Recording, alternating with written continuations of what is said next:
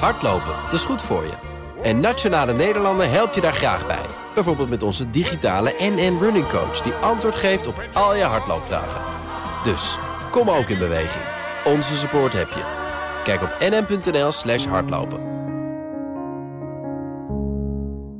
Blijf scherp. BNR Nieuwsradio. The Big Five.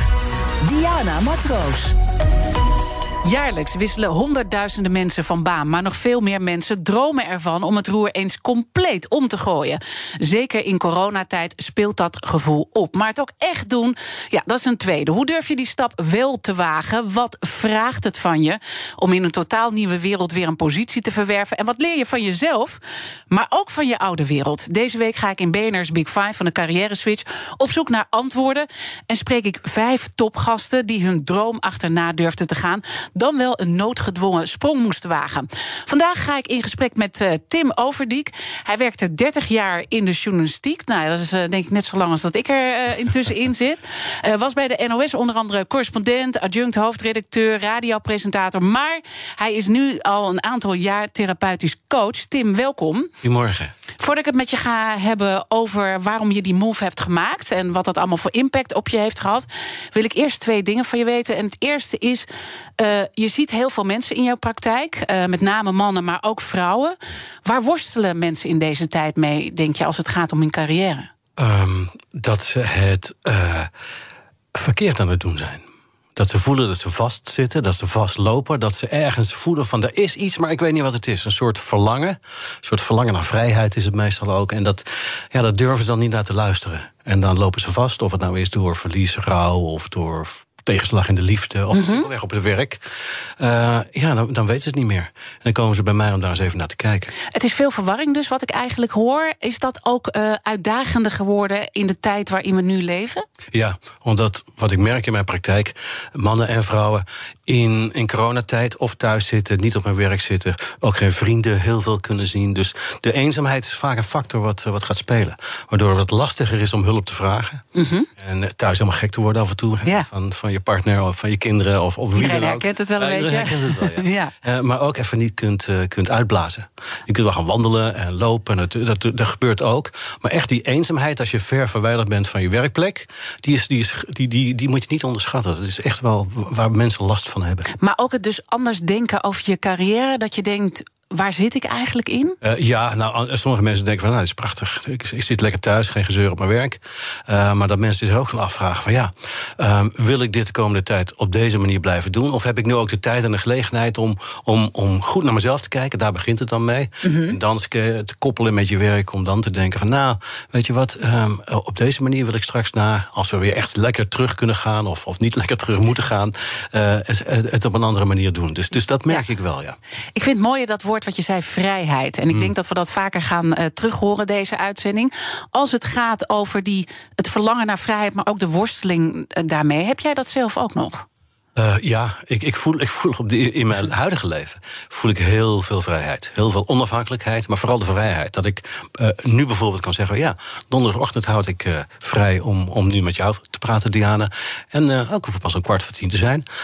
dan kan ik uh, s'morgens even gaan hardlopen in het Vondelpark. Nou, die, die vrijheid alleen al, door dan vervolgens ook te kijken welke cliënten heb ik dan vanmiddag, is, is een gevoel dat ik gewoon echt de regie in eigen hand heb. Ja, en niet toch over, zeg je niet over ook, mijn werk, maar ook ja. over mijn leven. Maar ik heb natuurlijk veel over je gelezen en je zegt ook, als kritisch man ben ik nooit klaar en voel ik me nooit goed genoeg. Dus dat, dat riekt toch ook wel dat jij ook worstelt. Nou, dat is een heel oud, heel oud thema. Wat oh, dus altijd... ben je echt al overheen? Nou, ik herken het. En, ja. en, maar dat is, nou, dat is mooi dat je dat zegt. Want ja, dat is precies wat ik heb leren herkennen. Mm -hmm. Was nadat ik uit de journalistiek ging stappen dat ik dacht van ja, wie ben ik nou werkelijk? En altijd dat jongetje wat het, het goed wilde doen, een, een, script wat heel lang geleden in mijn gezin van herkomst is ontstaan, een soort overlevingsscript, ja. waardoor ik in die journalistiek ook 30 jaar gewoon ja, keihard heb gewerkt. En als ik nu weet van, ach Timmetje, daar ga je weer. Uh, probeer het zo goed te doen. Uh, misschien dat ik dat nu ook weer voel in dit gesprek. Dat ik moet goed formuleren, dus ik ben alweer kritisch op mezelf. Dus dat stemmetje in mijn achterhoofd is daarmee bij. Die blijft. Ja, maar, de gaat vraag is of dat, dat, of dat erg is. Nou, die, die, nou, ja, nee. Nee. nee. En ik zeg altijd tegen cliënten, als, als, als ik bij hem of haar ook dat, dat script heb ontdekt. Dan denk ik van ja, het, het goede nieuws is het slechte nieuws. Het slechte nieuws, je komt er nooit meer vanaf. van dat overleven. Leer ermee Ja, leer het herkennen. Ja. Leer het erkennen waar het vandaan komt. Hoe dat is ontstaan ergens in je jeugd. En ehm, dan kun je zelf besluiten om dat script weer in te zetten. En heel goed willen zijn. Of soms te zeggen van nou weet je wat, ik, uh, ik, uh, ik doe het even niet. Ja, en is dat ook als het gaat om het gejaagde? Want je zei nu heb ik gewoon. Je, je, je noemde eigenlijk ook tijd, hè, los van vrijheid. Dat je tijd hebt, dat je hier naartoe komt. Uh, ik, ik hoor een bepaalde rust. Ja, en, en vertrouwen dat het wel goed komt.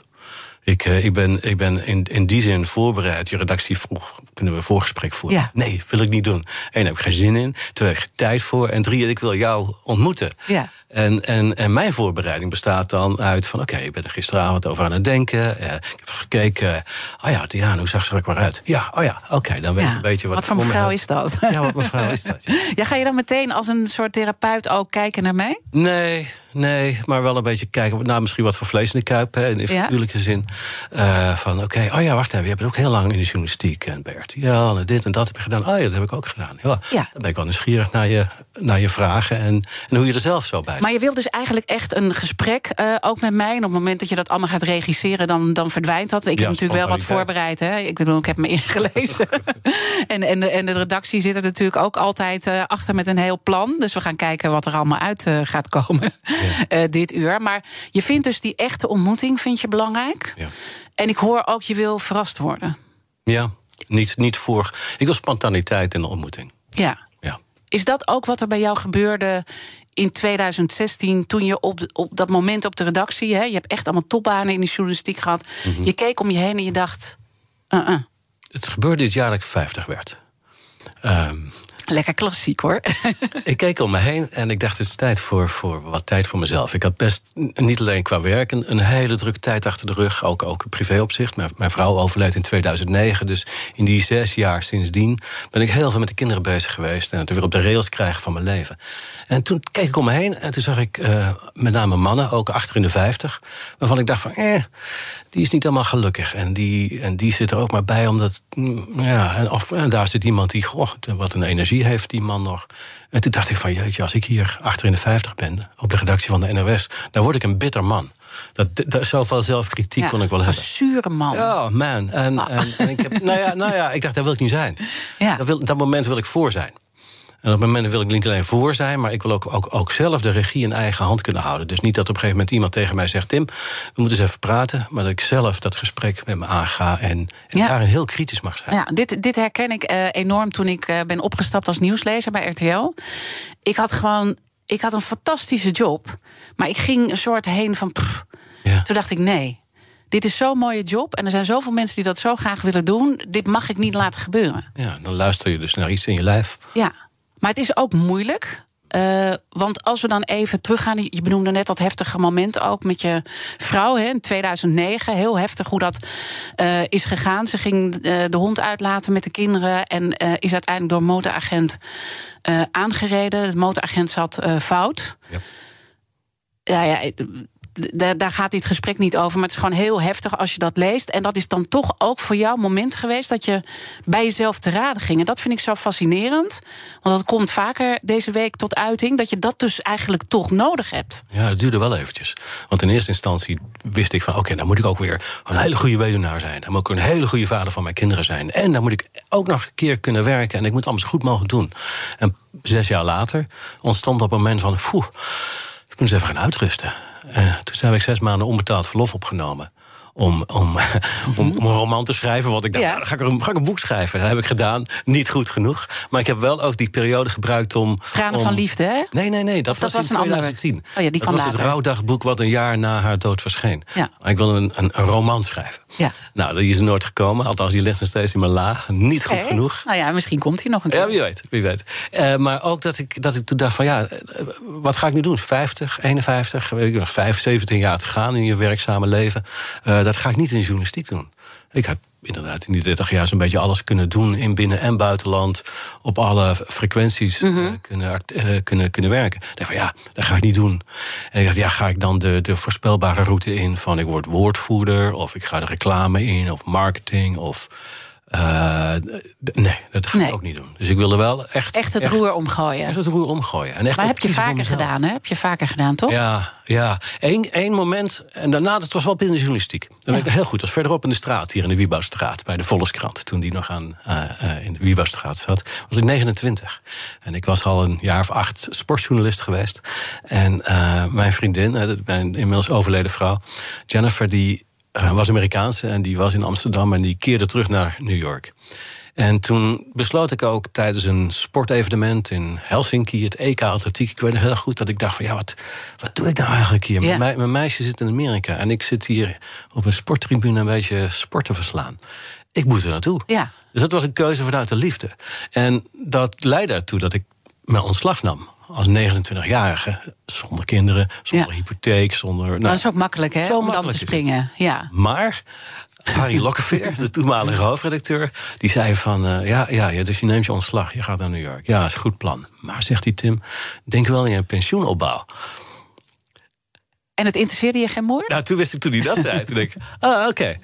Ah, ja. En toen wist ik meteen binnen in mijn lijf... want ik heb de juiste beslissing genomen. Want ja. pensioenopbouw, dat is, als man van 29 is, is dat, ja, dat is het laatste. Nee, maar als, je, maar, maar, als je dus wat ouder bent, wordt dat natuurlijk wel uh, belangrijker. En uh, is het dan, zitten we dan ook ergens in een gouden kooi dat we zo'n constructie om ons heen hebben gemaakt? Want dat hoor ik ook bij de andere gasten uh, deze week. En je hebt een uh, mega hypotheek en je bent een topper. Weet je, mhm. iedereen vindt, je ze, vindt jou ook goed. Hè? Dat was bij, bij jou ook zo. We vonden je allemaal uh, geweldig in jouw vak dat je daarin gevangen zit. Klopt.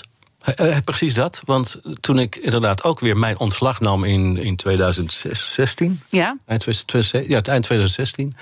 Toen, toen zat ik in die kooi. Toen dacht ik, ja, waarom zou ik weggaan? Goed salaris, ik kan doen wat ik wil. Ik, uh, maar ja, dan is zo'n kooi ook, uh, kooi ook wel beklemmend. En dan heb ik een hypotheek en dan heb ik studerende kinderen. Maar wel, een, wel, wel, wel zo gekeken kan ik het financieel een beetje rooien de komende tijd. Mm -hmm. Ja, dat komt. Dus dan, dan neem je toch weer de regie in eigen handen en, en, nam ik mijn ontslag. Het zit denk ik ook uh, dat het dan zo lang duurt. Hè? Want je zei, je begon al met die zoektocht ook van wie ben ik... op het moment dat jouw vrouw overleed. En daar zit een heel uh, verhaal achter. Hè? Dat mm -hmm. komt dus in dat boek uh, Tranen van Liefde. Daar, daar zie je ook dat soort dingen al terugkomen. Dat is denk ik ook heel inspirerend voor mensen om te lezen... die ook met verlies zitten. Maar dat dat zo lang duurt om tot dat punt te komen... dat is die gouden kooi. Maar dat is misschien ook die vraag van wie ben je dan eigenlijk als je die dingen allemaal niet meer hebt? Ja. Ja, dus, ja, ja wie, wie, wie ben ik en hoe kan ik van betekenis zijn? Die, die twee zijn voor mij wel gekoppeld. En als journalist kon je iets betekenen vanuit uh, nou, presenteren, het interviewen van mensen, uh, leiding geven. Uh, maar als, als dat allemaal wegbelt, valt, ja. dan valt ook een stuk identiteit weg. Van Tim Overdiek, de journalist. Ja. En dat vond ik best lastig. Dat is, dat is, ook, dat is misschien wel het langste proces geweest. Want ja, je, je, ik heb heel lang gezegd en gedacht van ja, journalistiek is een levenswijze. Ja, nou ja, dan ben ik eigenlijk nu op mijn 56 eigenlijk aan het achterkomen. Ja, dat hoeft toch helemaal niet. Nee. Wie ben ik als je bent zoveel meer. Ja, wie ben ik als man op de eerste plek? Wie ben ik als man? Wie ben ik als vader? Wie ben ik als partner? Wie ben ik als zoon? Wie ben ik als vriend? Dat zijn vaak ook precies van die, van die vragen die ik in mijn praktijk aan die mannen stel, die worstelen. Ja, nou, ik ben partner bij dat en dat bedrijf. Ik ben directeur hier. Zeg, nee, wie ben je nou als man? Wie ben je als jongetje? En daar draait het om. The Big Five. Diana Matroos. Mijn gast is Tim Overdiek. Na 30 jaar in de journalistiek werd hij dus therapeutisch coach. Je hebt een hele opleiding uh, gedaan. Je hebt ook echt die stoute schoenen aangetrokken om te zeggen: ik uh, stop er uh, gewoon mee. Nou heb ik een mooie podcast ook geluisterd met psychiater Bram Bakker. overigens heeft Bram de psychiatrie vaarwel gezegd om van, bui van buitenaf te veranderen. Vond ik ook wel weer een hele fascinerende stap. Ja, mooi. maar in dat gesprek met hem zei je dat je ooit de journalistiek in wilde gaan, omdat je kon verschuilen achter de microfoon. Want jij was degene die de vragen stelde. En toen vroeg ik me af, verschuil je nog steeds? Ja, ja nou letterlijk wel. Of nee, verschuil me niet. Als ik een beetje mijn hoofd zo doe, dan verschuil ik me. Maar uh, uh, nee, niet meer. Nee, nee. En dat is ook de reden van ik doe geen voorgesprek voor dit, voor dit gesprek, ja, voor deze ontmoeting. Maar ik heb het natuurlijk over uh, jouw rol als therapeutisch coach. Ja. Jij stelt mm. weer die vragen. Ja. Dat, maar, maar ik luister op een heel andere manier. Als journalist ben je toch bezig om iemand naar een antwoord te krijgen, een verhaal te laten vertellen wat hij of zij misschien liever niet vertelt. En uh, dat is heel erg vanuit het hoofd. En ik zeg altijd tegen mijn cliënten: ik heb een goede bullshit radar. Dus ik, ik weet wanneer ik ja. weet dat je heel veel zit te praten, maar niks zegt. Uh, maar ik werk als therapeutisch coach vanuit verbinding. Dus met een open hart. En, dat betekent en in de journalistiek had je niet die verbinding? Nee, dat hart was gesloten. Dat hart was gesloten. Waarom was het gesloten? Omdat ik dacht, nou, journalist moet objectief zijn, moet neutraal zijn, moet uh, boven alle partijen verheven zijn. En die gaat erop uit namens de luisteraar om het antwoord te krijgen en de onderste teen boven te krijgen. Poeh, ik word moe als ik het even zeggen. Dat heb ik jarenlang gedaan. Gemiste kans? Um, in welk opzicht? Nou, dat je dat zo deed, had je het anders moeten doen. Uh, nou, in dit soort gesprekken, dit soort ruimtes, uh, als je een uur de tijd hebt, dan kun je mooie gesprekken voeren. Ja, en daar, daar ging het bij mij als, als correspondent in Amerika, ik heb daar elf jaar gezeten, vaak ook om. Het, ik, ik werd zo moe van het zoveelste gesprek over het Midden-Oosten of over het Witte Huis of over de Verenigde Naties. Eh, laat mij maar het land ingaan en met mensen praten en hun verhaal laten horen. Ja. Dus in die zin, denk ik, is die uh, verslaggever, die correspondent, nog niet uit je. Want dat doe je nog steeds dan. Ja, nou, wat, wat, er, wat er nu echt ook uit is gekomen, is dat ik echt gewoon benieuwd ben naar de verhalen van de mensen. Ze komen bij mij binnen, een beetje nerveus. En die hebben dan wat te vertellen. En er komt altijd meer en meer dan wat er werkelijk in de eerste hulpvraag aan bod is gekomen. En dan komt het verhaal van hun jeugd. Dan komt het verhaal van de moeder, van de vader, van de broertjes, van de overleden opa of het overleden broertje of een kind wat is gestorven. Mhm.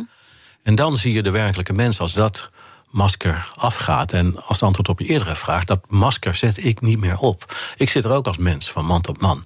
Wel met de container wat verdriet betreft. Ik mhm. word geraakt door uh, verhalen, maar ik huil niet mee. Nee, en, ga je persoonlijke dingen dan in zo'n, want je hebt genoeg meegemaakt, ga je mhm. dat gebruiken in zo'n gesprek? Als het functioneel uh, en passend is, ja. Ja. ja. Maar je masker is dus af. Dat, ja, dat is eigenlijk wat er, wat er uh, is gebeurd. En dat heeft dus heel lang gekost om dat masker mm. nou ja, kwijt te raken. Want dat heb je net uh, beschreven. En je focus je dan heel erg op mannen. Ja en op de vaderfiguur. Uh, uh, waar dan oh, de man. mannen. De ja, man. gewoon de man. De man. Waarom, waarom, waarom, de man? Waarom fascineert dat je zo? Um, omdat, omdat, ja, omdat ik zelf man ben. Omdat er weinig mannencoaches zijn. Omdat er een grote vraag is onder mannen om een man te ontmoeten bij wie ze zich als het goed gaat, veilig voelen om, om echt, echt te vertellen en te laten zien wat, wat ze, wat, waar ze mee worstelen. Ja. Dus in dat opzicht kan ik ook, uh, ja, heb ik, heb ik een hele brede, brede groep. Ik heb, van de tien cliënten zijn er acht man en twee vrouwen. Want die willen er ook heel graag met een man praten. En wat zit daaronder? Uh, uh, want er is, zijn dus meer, minder coaches voor mannen. En je bent zelf een man, dus dat fascineert je. Maar wat houdt die mannen bezig die bij jou binnenkomen? Hmm. Hoe kunnen ze zich groot houden? Hoe kunnen ze zich groot houden? Ja, hoe kunnen ze zich sterk houden? En, en, en vaak komen mannen binnen waar het water aan de lippen staat. En dat ze eigenlijk al Vrouwen komen meestal op tijd. Ook een groot compliment aan de vrouw. Die weten precies aan te geven wat, waar, ze, waar ze mee worstelen. Mm Gaan op tijd met iemand praten. Kunnen verbinding zoeken met andere mensen. En veel mannen, veel mannen kunnen het ook. Maar veel mannen die bij mij komen. Die, ja, is een beetje zo'n laatste stap. Van, ja, nu moet ik gaan. Mijn vrouw zei drie maanden geleden al. Ga eens met Tim Hoofdijk praten. Ja, ja. Keurig op tijd zeg ik dan. Ik beginnen ze eerst met het boek natuurlijk. Ja, nou, ik probeer, ik probeer er wel een beetje humor in te houden. Want het is nogal een drempel waar ze overheen moeten. Ja. En als ze zich dan veilig genoeg voelen. Dan, dan zakken ze letterlijk in hun lichaam. Als ze weten van ik hoef hier, hoef ik niet te presteren. En dat sterk houden, dat geldt in heel veel opzichten op, op, op kantoren, eh, binnen teams van het werk. Want je doet veel toppers ook uit de zakelijke wereld, volgens mij, die jij uh, uiteindelijk dan voor je hebt, hè? Ja. ja. En, dan, en dan is dat, dat, dat groot houden en zit daar dan onmacht onder? Ja, onmacht is vaak het niet weten hoe je dan met die, met die, met die macht zou moeten omgaan. In onmacht merk je dat mannen. Uh, uh, niet precies weten hoe ze, uh, hoe ze met hun tegenslagen kunnen, kunnen dealen door bijvoorbeeld het gewoon even niet te weten. En onmacht is vervelend. Dat vinden wij mannen vreselijk. Vrouwen ook hoor. Maar mannen die weten dan niet wat ze moeten doen. En dan gaan ze van de onmacht van jeetje, ik heb tegenslag, tegenslag, wat moet ik doen? En dan ga ik harder werken. Of dan ga ik uh, me verliezen in drank. Of ik ga eens even keren op de, de werkvloer. Dan zullen ze laten weten, dan zullen ze merken wie de baas is hier. Ja, dat is, dat is ongezonde uh, uiting van onmacht. Terwijl het soms zo verbindend en empathisch en echt, echt zachte kracht van de man kan opleveren als je, als je laat merken aan iemand van jongens, ik weet het niet. Ja. Ik weet het gewoon even niet. En hoe pak je dat aan dan? Zo iemand komt bij jou binnen en die, die heeft dus echt, het zit totaal hoog uh, op dat moment. Wat doe je dan? Niks. Stil zijn. Stil zijn? En dan? Beetje kijken. En wat gebeurt er dan? Heel veel. Ja, nee, maar dat moet je nou even uitleggen. Ja, nee, maar dat is een beetje wat hierna gebeurt. Ja. Dan gaan mensen zich ongemakkelijk voelen. Ja. Kijken ze me aan, zo moet ik wat zeggen. ja, dat leren we al in de journalistiek, hè? Stiltes laten vallen. Ja, ja. Niet invullen, ja. Ja, en dan, en dan soms is het voor mij is ook heel goed luisteren. Dan is vaak tussen neus en lippen door, of aan het eind van de eerste sessie, komt in één keer nog zo'n opmerking over, over iets, over hem of haar. En dan denk ik van, ah. En het enige wat ik hoef te doen is vertel maar. En ik luister.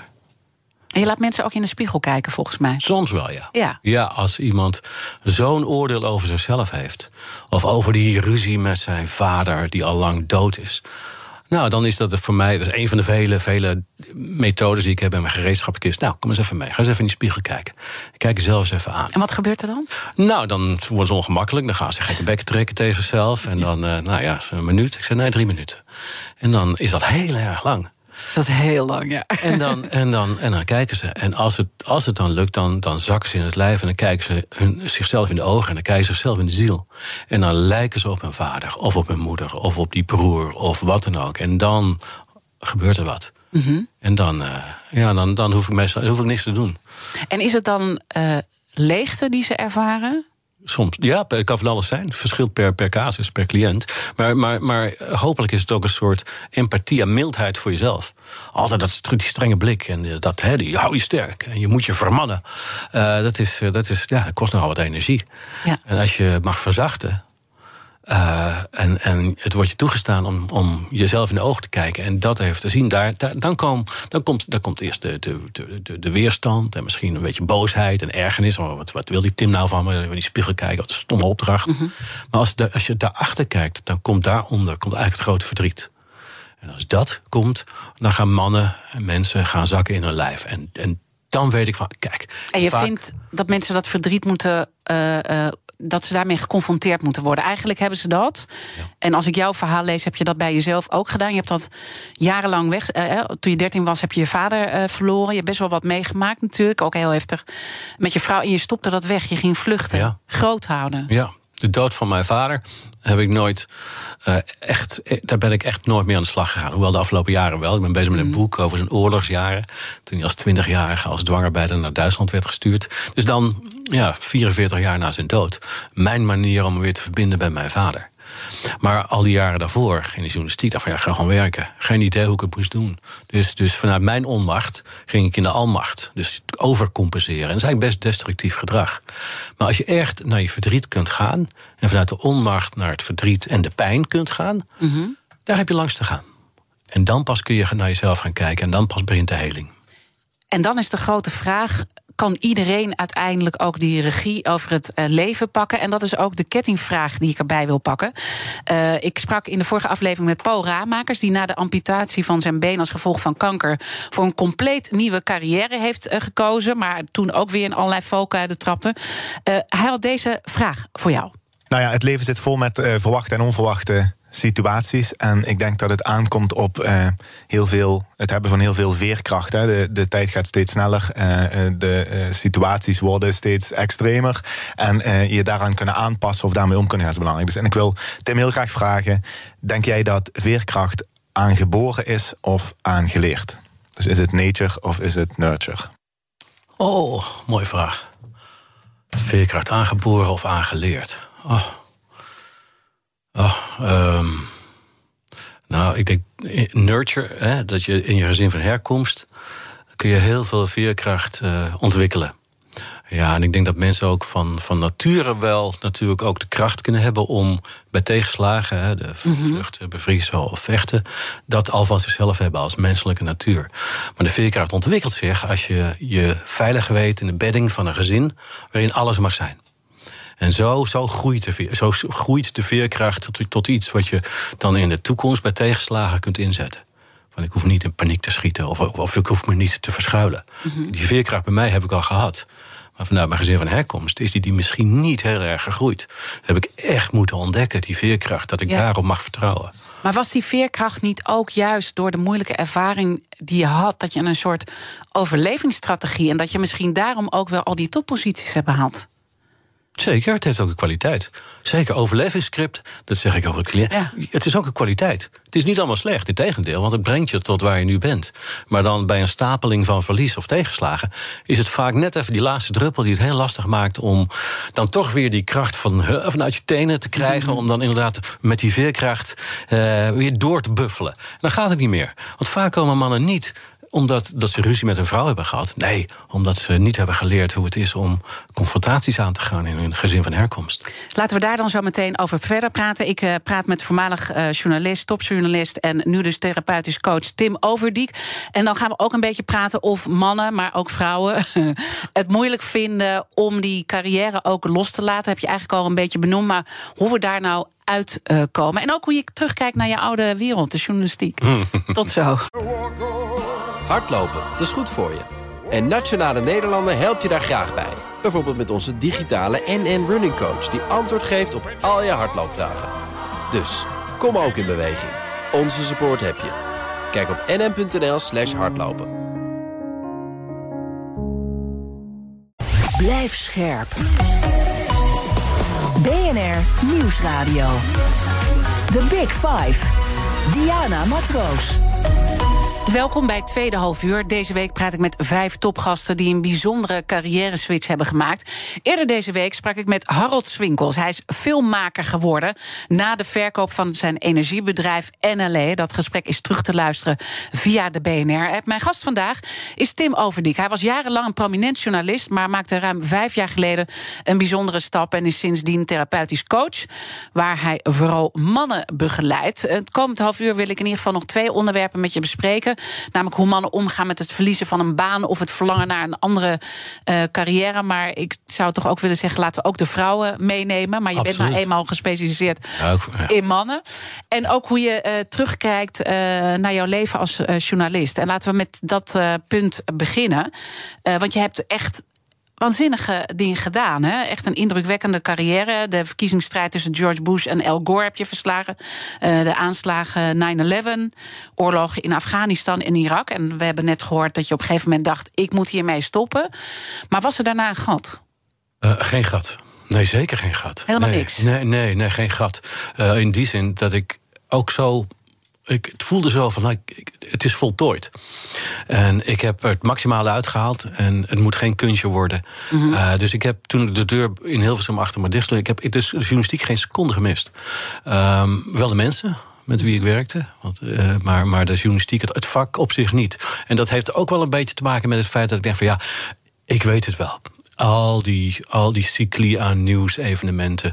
Uh, ja, je, je, kan op een gegeven moment een soort vast draaiboekje maken. Ja, op, F, op F1 zitten de stormen en de overstroming op F2. Ja, die herken ik, ja. Nou, als dat ja. gaat gebeuren, dan wordt het een routine. Ja. En, en het is goed om een routine te hebben, maar die wel... is ook lekker, hè? Ja, want je moet ook kunnen duiden en weten van... wacht even, dit ik is wat kon heel kort van tevoren kon ik uh, de nieuwsstudio... en ik uh, zonder autocue en weet je, het kwam allemaal gewoon oh. uh, goed. Dat is ook wel lekker. Heerlijk, het vertrouwen in jezelf. Ook weten in je achterhoofd dat er van alles zit aan kennis mm -hmm. en kunde en ervaring. Maar een gegeven moment als het zich te veel gaat herhalen, dan wordt het tijd. En als het vlammetje steeds minder wordt, en dat was bij mij wel het geval. Ik dacht, het, het wordt minder enthousiast. En um, toen ik in 2015 een driejarige opleiding begon, bij Phoenix Opleidingen in Utrecht. En na het eerste jaar mijn medestudenten moest gaan begeleiden als, nou ja, als student-therapeut, uh, voelde ik voor het eerst, like, oeh dit is leuk. Ja. En toen dacht ik van, oh, wacht even, wat, wat, wat niet, gebeurt? Maar was je niet ook onzeker?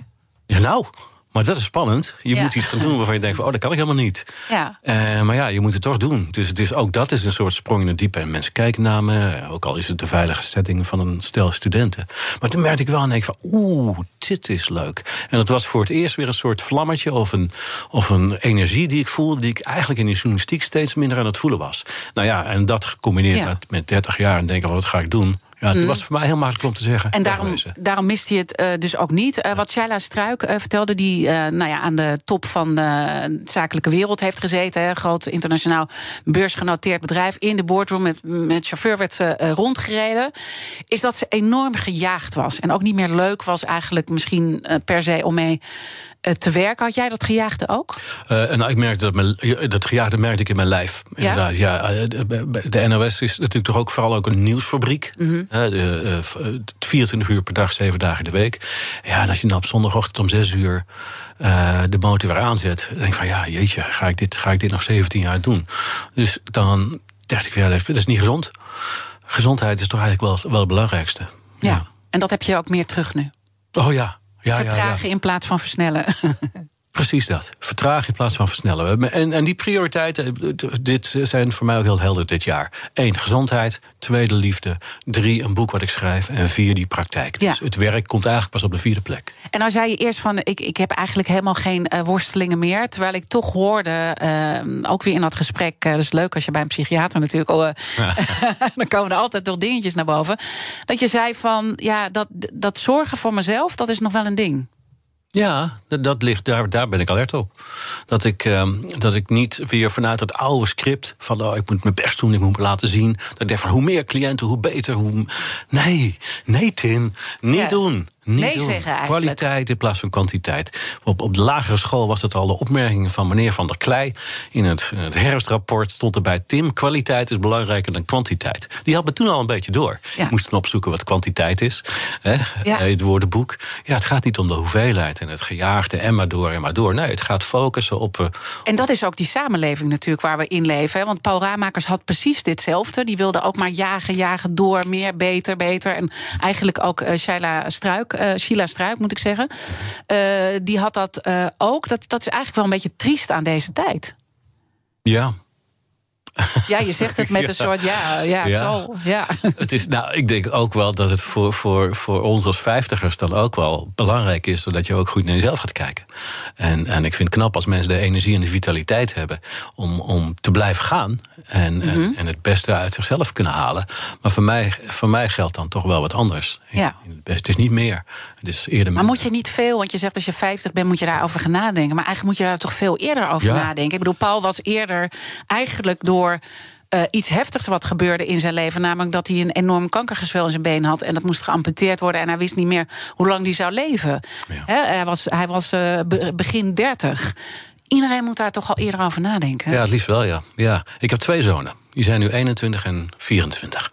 En mijn oudste zoon is een beetje een kloon van, van wie ik ben. En ik zie hem dingen doen, keihard werken. Is ontzettend succesvol in het werk wat hij doet. Uh, uh, in de IT-business. En denk van, oh ja, ja. En dan wil ik hem, wil ik eigenlijk hem een beetje afremmen. Maar tegelijkertijd, ja, laat, laat hem maar gaan. Uh, mijn andere zoon van 21, ja, die heeft zijn studie afgerond. Is bij een vriendinnetje naar Porto vertrokken. Nou, die vertrekt vandaag naar Florence, waar hij een tijdje gaat zitten. Ja, dus die denkt meer aan die rust. Terwijl de ander denkt aan de gejaagdheid. Maar ook tegelijkertijd wel nadenkt over, ja, maar waarom doe ik het? En dat, zijn, dat, ja, dat hoort er toch ook bij, ja. bij het op, opgroeien. Dat je, dat je mag gaan zonder al te veel te hoeven nadenken of te voortdurend te moeten voelen. Maar ik ben wel jaloers op de mensen die eind twintig zijn, hè, met wie ik ook gestudeerd heb ja. bij Phoenix, waarin je echt, echt naar jezelf leert kijken. Van, oh, had ik dat toen maar gedaan? Ja. ik probeer ja. mijn oudste zoon wel eens in te schrijven voor een workshop bij Phoenix. En, Willen ze niet zeker? Nou ja, heb ik toen een keer gedaan. En één dag voordat hij begon, had hij afgemeld. Dan denk ik van, nou, nul. Ja. Nee, nou ja, het, het helpt inderdaad. Ik heb uh, cultureel maatschappelijke vorming gestudeerd. En dan moest je ook heel erg naar jezelf kijken. Ja. En dat helpt gewoon om dat uh, te doen. Weet je, soms was het een lulstudie, moet ik ook eerlijk zeggen. Maar uh, um, ja, dat, dat aspect ja. was heel erg goed. En dat je gewoon leerde ook met jezelf en met het gereedschap naar jezelf uh, te kijken. En dan nog blijft het leven uitdagend uh, genoeg. Als we kijken naar die, die snelheid die we met z'n allen en die prestatiedrang die we en dat, dat gejaagde en altijd maar willen scoren. Zit daar ook een rol voor media? In, de, in dit geheel? Want daar heb jij natuurlijk, uh, nou ja, we hebben er ongeveer net zo lang in uh, rondgelopen. Hè. Ik, mm -hmm. ik zit er nog dagelijks uh, in. Hoe, hoe, kijk je naar die oude wereld? Uh, nou, de oude wereld, de oude mediawereld wordt inderdaad opgejaagd door de nieuwe mediawereld. En mm. de, de, NOS en BNR zijn natuurlijk ook actief op sociale media, waarin je eigenlijk niet kunt nadenken. Uh, maar je moet handelen, reageren. En dat reageren is, uh, zeker in de journalistiek, uh, belangrijk als je op zoek gaat naar de feiten. Mm -hmm. En ons, nou, de, de, oude media, daar hoor ik dan zelf niet meer bij, maar jullie worden wel verondersteld om meteen die feiten boven water te hebben. En bij breaking news kan dat gewoon niet. Of bij ontwikkeling in Den Haag, of, of, of wat er ook gebeurt in de wereld, in, in de grens mm -hmm. met Oekraïne. Dus het is juist daarom ook zo van belang voor de media om eh, de, de, het lef te hebben en de durf te hebben om soms, even te weten, eh, om, om soms even te durven zeggen van wacht even, we weten het nog niet en we gaan het uitzoeken. Maar ja, de samenleving is vaak zo opgejut door elkaar. En dan ik met name ja. Twitter en andere sociale mediakanalen. Dat, uh, dat het je niet wordt toegestaan om ook fouten te maken. Uh, want dan word je keihard afgestraft. Ja, en los, daar, en, en los, daarvan. Uh, kijk, we vinden ook nieuws gratis intussen met z'n allen. Hmm daar zijn we met z'n allen ook uh, bij hè, als samenleving. Waardoor uh, er is enorm bezuinigd op de journalistiek. Dus ik bedoel, ook de handen ontbreken ook vaak natuurlijk. Ja. Dat is, ja, dat is, dat is heel spijtig. Maar gelukkig zijn er uh, genoeg media in Nederland waar, waar je wel op kunt terugvallen. Ja, maar toch kijk jij er nauwelijks meer naar? Nee, nou, ik heb een aantal. Ik kijk nooit meer naar het NOS-journaal. echt, echt al jaren niet meer. Waarom niet? Uh, nou, ik hou mezelf op een andere manier wel op de hoogte. Dus ik, ik volg. Ja, dat snap ik. Maar dan zit er iets. Je, je doet het op een andere manier. Maar waarom niet bij dat prachtige NOS-journaal waar je al die jaren hebt gewerkt? Ja, ik doe andere dingen. Ja, maar vind je het moeilijk om te zeggen ja. wat je ervan vindt? Ik vind het uitstekend programma. Ja. Maar, uh, maar moet, ik, moet, ik daarom, moet ik het daarom kijken? Nou, niet voorspelbaar. Ik weet het meestal wel.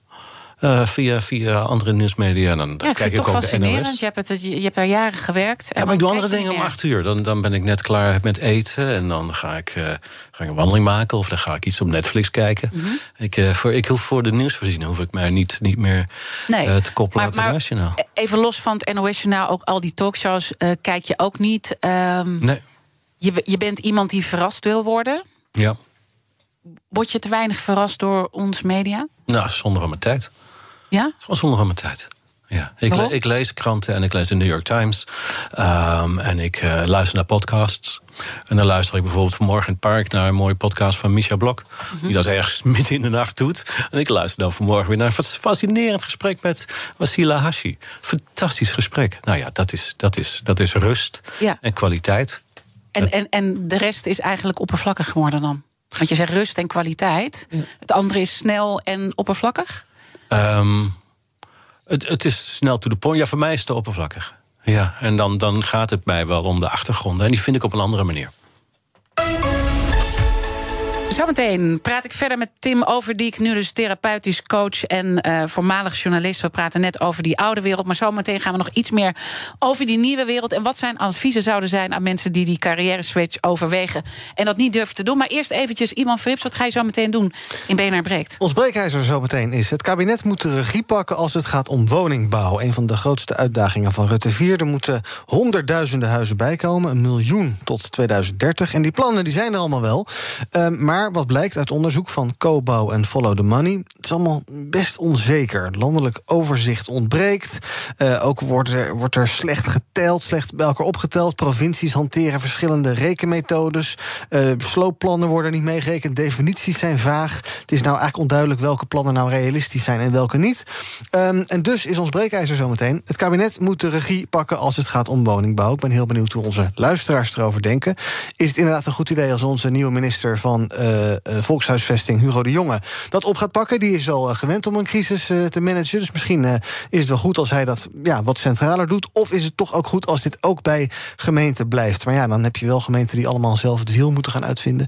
Um, hoe moeten we dat doen? Centraal of decentraal? Dat wordt zometeen de vraag. En ik ben heel benieuwd hoe onze luisteraars erover denken. Bellen kan over een kwartier naar 020 468 4 keer 0 020 468 4 keer 0 breekijzer dus. Het kabinet moet de regie pakken als het gaat om woningbouw. Oké. Okay.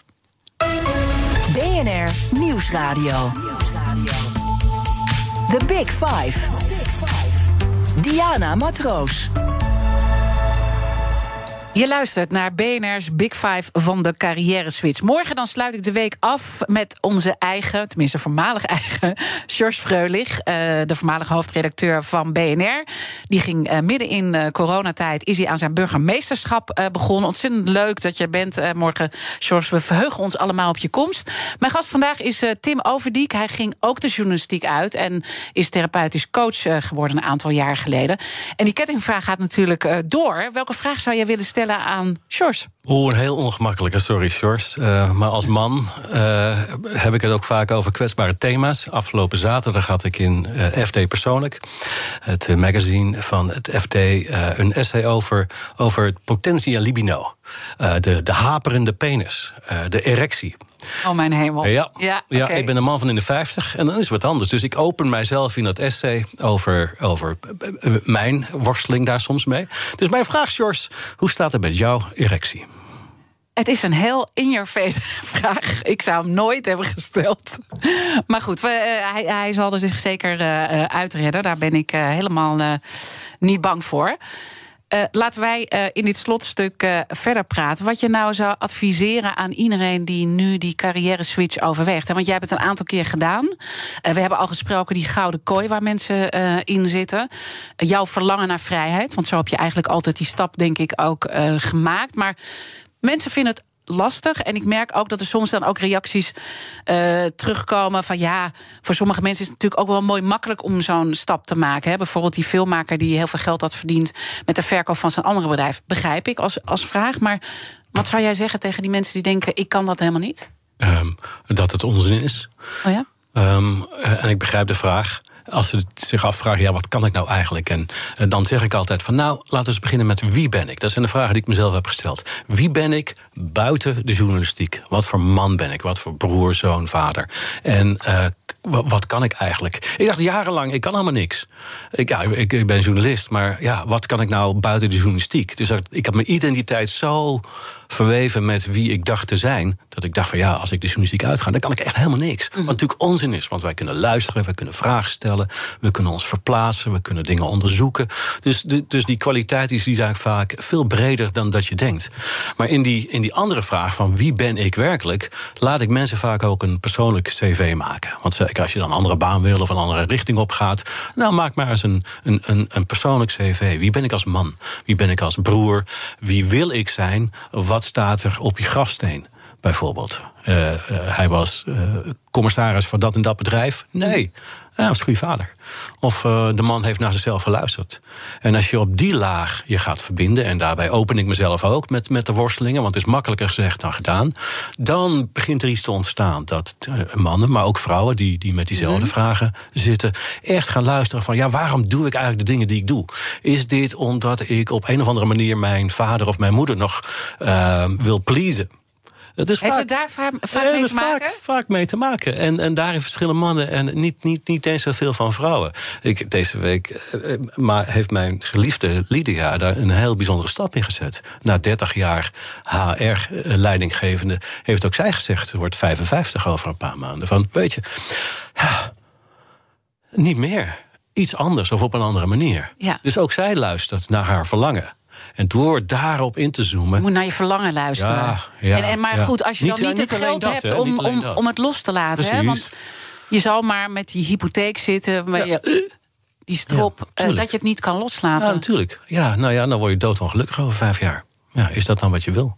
Dus hoe ga je het dan zo organiseren dat je toch, en al is er maar één uur in de week, voor de komende anderhalf jaar. Dat je echt tijd vrijmaakt om te gaan nadenken van, van wat is mijn verlangen? Is het de vrijheid? Is het een andere richting? Het gaat niet om het, om het, om het geld verdienen. Het gaat niet om de carrière. Het gaat niet om de volgende stap of om de zekerheid die de baan of het bedrijf je biedt. Het gaat erom wat wil ik straks kunnen hebben gezegd aan het eind van de rit. Ja, en, en dat is dus eigenlijk, uh, zeg je ook, we moeten de dood vaker in de ogen kijken. Ja, ja. Ja, nou is de dood niet per se een inspiratie daarin. Ik denk zelf wel elke dag even aan mijn, aan mijn eigen dood.